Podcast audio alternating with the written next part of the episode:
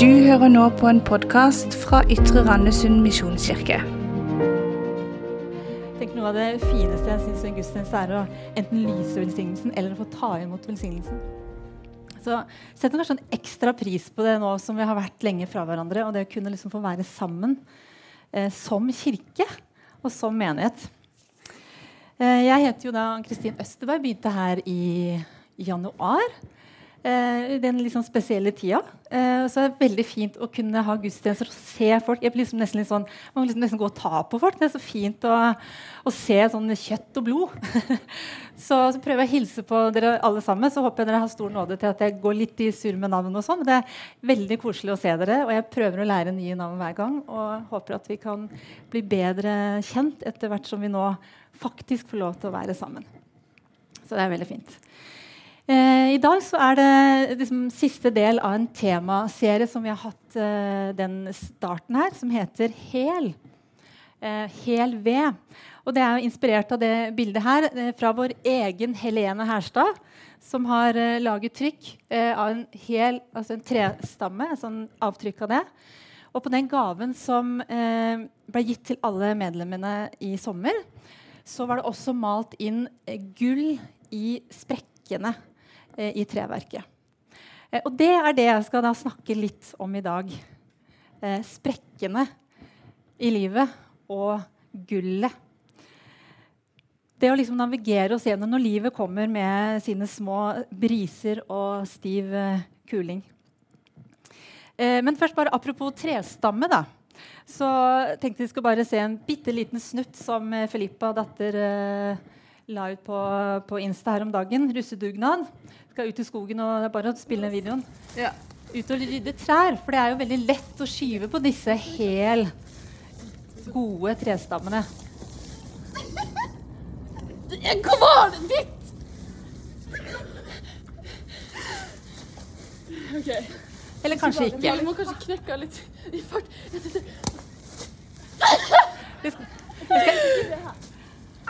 Men hvis jeg går under og dytter litt sånn underfra ja. Det gjelder å være kreativ når man skal flytte på, på, solide trær. Hvordan kan man på en måte få wow. Nå går det. Nå går det. Liksom, drep deg sjøl nå. Kom igjen! Det går ikke. Eller ikke. Nei. Bare stopp den. For det er jo nettopp akkurat det. Det er ikke så lett. Og det er jo noe med derfor det er en sånn kvalitetsstempel. Det med hel ved og, og, solide trær. Det er liksom noe som er Det står støtt. Det er forankra. Det er liksom dype røtter. Og når da livet kommer med forskjellig regn og storm og alt det her, så står det der. Det er liksom planta et sted. Det har en jeg har, kommet for å bli, på en måte. Eh, og det er liksom det som er tanken med den hele V-serien. Men så skal jeg da i dag snakke litt om eh, Ja, vi vil jo gjerne at det skal være sånn, men det er jo ikke alltid sånn. Eh, og i hvert fall de som har levd en stund, vet at livet kommer med sine opp- og nedturer. Eh, det perfekte livet som slår sprekker. Det er det jeg skal si litt om. Og Det var også et gjennomgangstema for en HBO-serie Jeg vet ikke om dere har sett den, som heter The Undoing, som kom i fjor. Var sånn kritikerrost-serie. Og handlet om et vellykket ektepar spilt av Nicole Kidman og Hugh Grant. Eh, og Begge hadde sånn strålende karrierer. De var, bodde i et sånn fantastisk hus på Manhattan. Eh, og jeg er litt sånn over gjennomsnitt filminteressert, så jeg så liksom, hvert bilde er liksom Utsnitt er komponert, fargene er perfekte, møblene Alt er bare helt sånn Helt perfekt. Inntil det da skjer et drap. Og så slår livene deres sprekker. For en tid tilbake eh, så har det over en lang periode i gata vår eh, vært eh, et filmteam som har brukt gata vår som en sånn bakgrunn og scenografi for en spillefilm. Eh, så der har det vært artig artig. Svære lyskastere, masse folk, mye filming. Og, sånn, og, vært der i månedsvis eh, innimellom. Og en dag så, så hørte jeg det liksom var litt eh, bråk på utsida. Jeg liksom åpner døra, Der er det masse folk på kne og driver og ordner. Vi har da ca. én meter gressflekk foran ganger fire. Eh, og den har nå blitt utstyrt med en robotgressklipper. Eh, og en eh, kunstig gressmatte. Så vi og flere i vår gate har da blitt utstyrt, så alt skal se helt perfekt og strøkent ut til filmingen i gata. Og jeg prøvde jo å snakke litt med i sånn pause med en av skuespillerne. Jeg er jo nysgjerrig, hva er det her for noe? Liksom? Men de ville ikke si noe. Så kan Det godt hende, ikke den spillefilmen kommet ut ennå, det kan godt hende at dette er en komedie. Men jeg begynte da å spinne når jeg tenkte på den filmen her, at kan det ha noe av samme tema? Kan det være at det, her ser det så fint og flott ut, men det begynner å sprekke på underflata etter hvert? Jeg vet ikke, Vi får se når den kommer ut. Jeg bare har livlig fantasi. For vi er jo også litt opptatt av det at um, hvis det ikke skulle være så helt og perfekt og fint som vi skulle ønske at det var, eller vi tenker at vi syns det burde være, så må jeg i hvert fall prøve å gi et inntrykk av at det er det. At alt er i orden med meg eller oss. Og The Undoing, den serien som jeg om, den er basert på en roman som heter You Should Have Known. Du skulle ha visst. Og det er kanskje noe som noen av dere kan eh, si. Du skulle bare ha visst hva jeg har opplevd. Du skulle bare ha visst hva vi står i som familie akkurat nå. Eller du skulle bare ha visst åssen jeg egentlig føler det når jeg ser folk i kirken. Eller hvis jeg møter noen på butikken. Du skulle bare ha visst hvordan jeg egentlig har det på jobben, eller hvordan jeg har det i kroppen min, med helsa mi. Eller hva jeg egentlig tenker eller føler nå. Du skulle bare ha visst. Og i løpet av livet så vil jo vi alle sammen få slag, sår, skrubbsår, sprekker, arr av et levd liv. For eh, sprekker som vi sjøl har vært med å skape, sprekker som andre har forårsaka at eh, har kommet. Og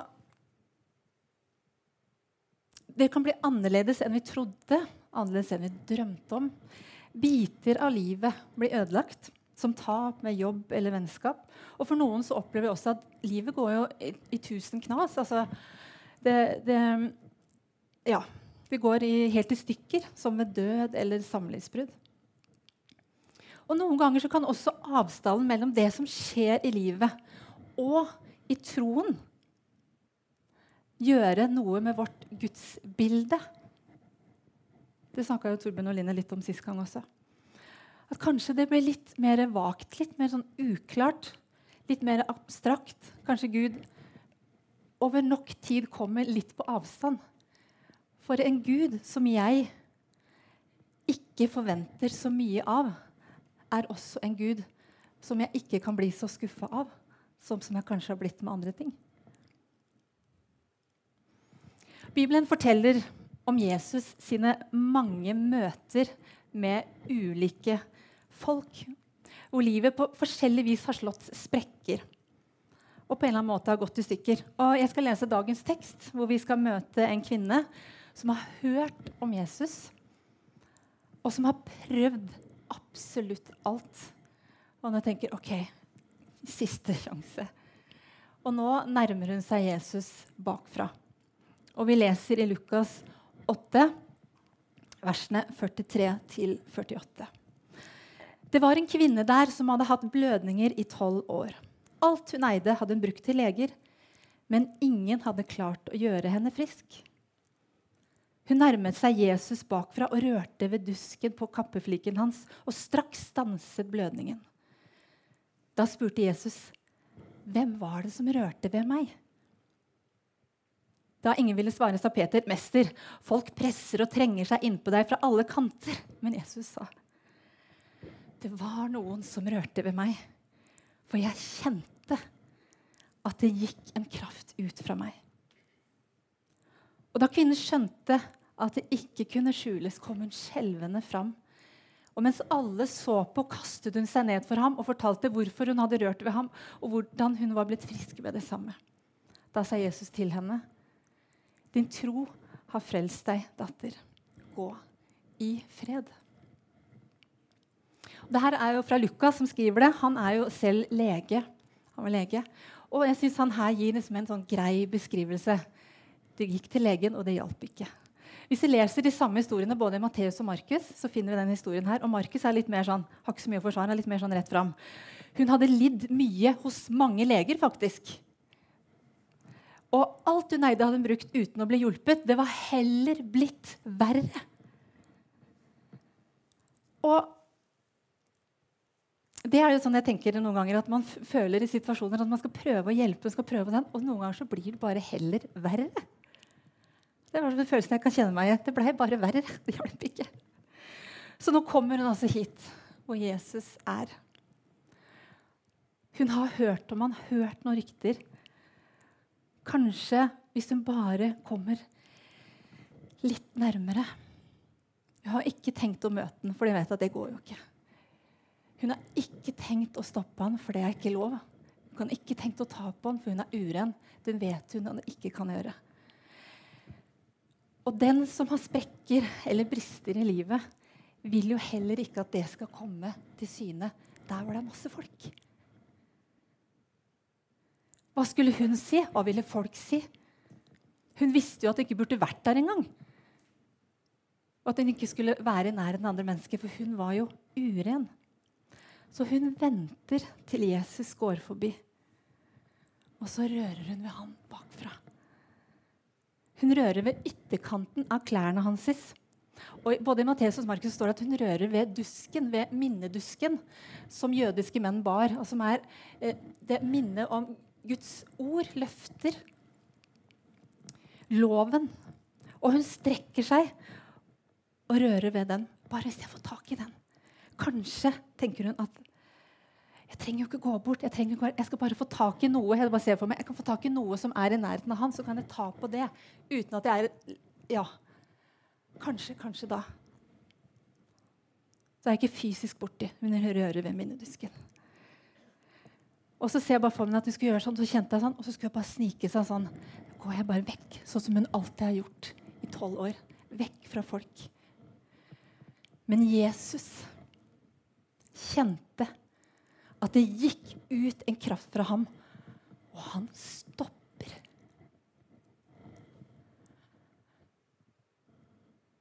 Stanser hele oppdraget. Og i versene før så leser vi jo om at det er synagogeforstanderen som, har, som er liksom, Han har ikke noe problem med å, å møte Jesus. 'Hallo, jeg trenger hjelp av deg. Bli med meg.' Han vet han er viktig. Han vet han har en tydelig stemme. 'Kom med meg.' Og de er på vei til det her viktige oppdraget. Her stanser Jesus. I risiko å komme for seint. Og det gjør han jo. Det vet vi jo når vi leser historien. Men det ordner seg. Det går bra. Det er jo Jesus. Og jeg bare tenker, kjære vene, for et sjokk for henne når hun skjønner på vei liksom, til å glede seg i, i, bare for seg selv om hva som har skjedd, at Jesus har skjønt hva som har skjedd, hva hun har gjort. Og nå er det som pff, lyskasteren kommer på, og plutselig er det alle menneskene som ser på henne. Og vi kan jo spørre oss hvorfor i all verden gjorde Jesus det her? Hvorfor kunne ikke han bare få være fred, og så kunne hun bare gå bak her? Og så kunne hun glede seg. Ja, så fint. Nå var hun blitt helbreda. Hvorfor stopper Jesus opp og spør etter henne? Jesus han er jo ikke ute etter henne, men han ønsker å gjøre noe mer. Jesus ville møte henne ansikt til ansikt. Han ville ta henne fra utsiden, fra ytterkant, hvor hun hadde levd pga. det. For sprekker og sår det får mange forskjellige konsekvenser for livet. Ikke bare som her, da, det fysiske. Så ville ta, Han ville ta henne fra ytterkanten og utenforskapet inn i midten, i aksept. Han ønsket å gjøre henne hel. Kan ta neste ikke bare frisk. Han ønsket å gjøre henne ren og invitere henne inn til fellesskap med seg og med folk, med mennesker. Ja, heldigvis vil jeg si at vi kan nærme oss Jesus. Heldigvis på så mange måter. om det er bakfra på siden, om det er uh, whatever, uh, full konfrontasjon, i sinne, i glede, whatever. Men Jesus vil alltid merke det, og han vil alltid søke å se deg ansikt til ansikt.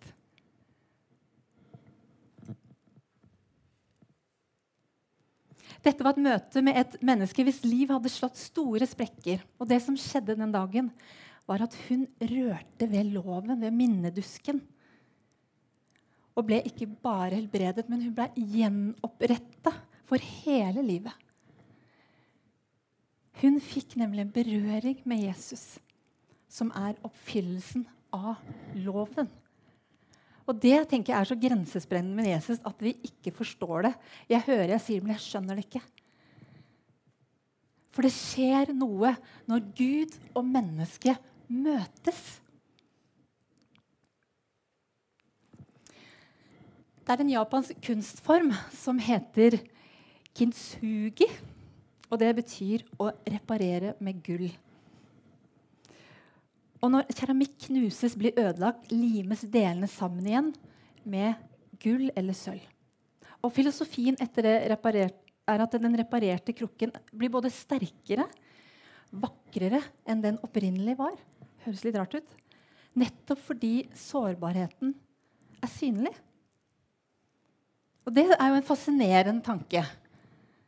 Kanskje for, spesielt fordi vi er jo så opptatt av at det ikke skal synes for andre. Jeg vil ikke være sårbar overfor andre mennesker.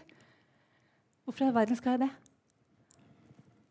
Ta jeg for eksempel, Når jeg står her, så kan jo ikke dere se mine usynlige sår og sprekker som livet har gitt meg.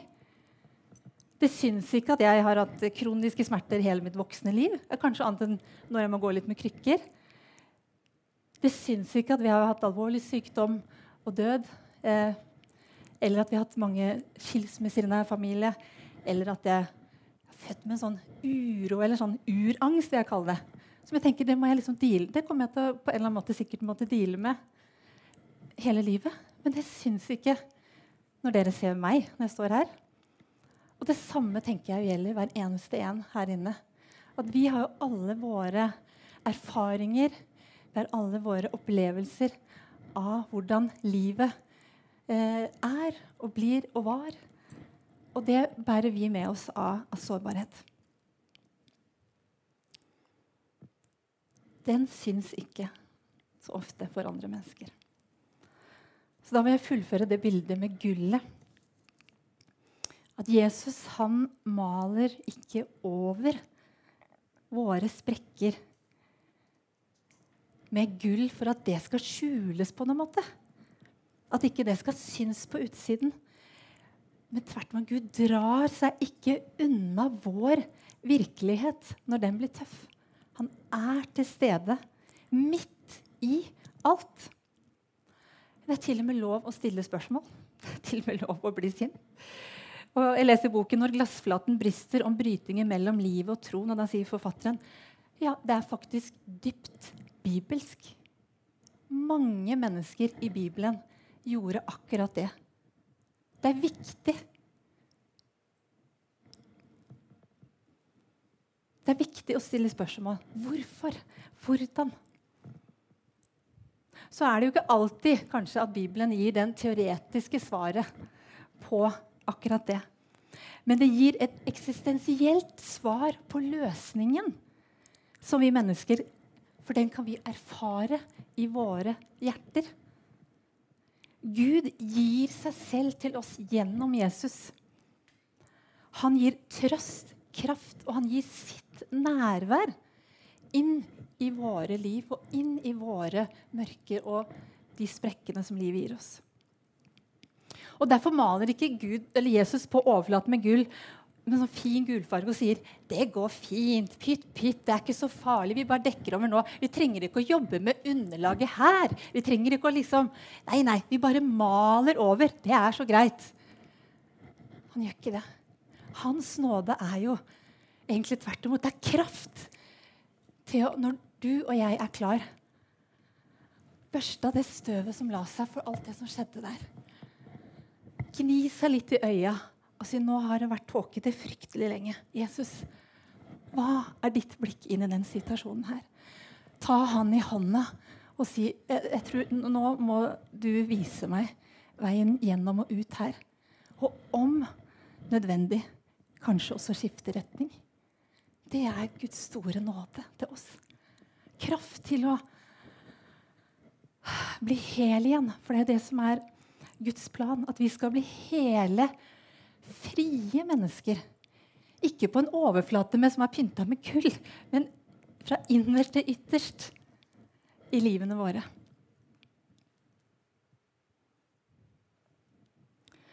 Og når noe går i stykker, så betyr det jo ikke at det er ødelagt. Som i liksom ubrukelig. Det betyr jo egentlig bare at det, akkurat nå er det i stykker. I biter. Og det kan repareres og settes sammen igjen og få en ny mening. Nå tar vi den biten her. Så begynner vi med den. Sånn jobber Den hellige ånd med oss hvis vi vil. Og I Salme 147, vers 2 og 3, så står det Herren bygger Jerusalem og samler Israels spredte folk. Det sto feil kapittel, men det er i hvert fall kapittel 147. Herren bygger Jerusalem og samler Israels spredte folk. Han leger dem som har et sønderknust hjerte, og forbinder sårene deres. Så er det ikke altså at vi må ha kontroll over livet som skal gjenvinnes gjennom slike kamper, men at vi har tilliten til Gud. At Gud har ikke sluppet taket i oss. Men han går hele veien. Han går hele veien med oss. At han midt i biter av et liv vil hjelpe oss til å sette det sammen igjen til et helt liv. Og gjennom det så kan vi også skimte glimt, gullglimt, da, for å ta det bildet, av han gjennom og i menneskers liv. Ja, faktisk så tror jeg at Guds tilstedeværelse i våre liv skimtes nettopp i de sprekkene av et helt liv sammen med Han. Så vet jo ikke jeg hvor du er i ditt liv. Om ting som du har opplevd, har gjort at du har kommet mer på avstand eller nærmere Gud. Eller om det er ting som du sliter med, som tenker det skal ikke opp på noe overflate, verken for Gud eller mennesker. Den som vil grave gull, må ned på knærne, sier Thomas Rødin. Jeg tenker at Det må være min avslutning og oppmuntring i dag. Å våge å slippe Jesus til i hele livet vårt, også der hvor det slår sprekker. Amen.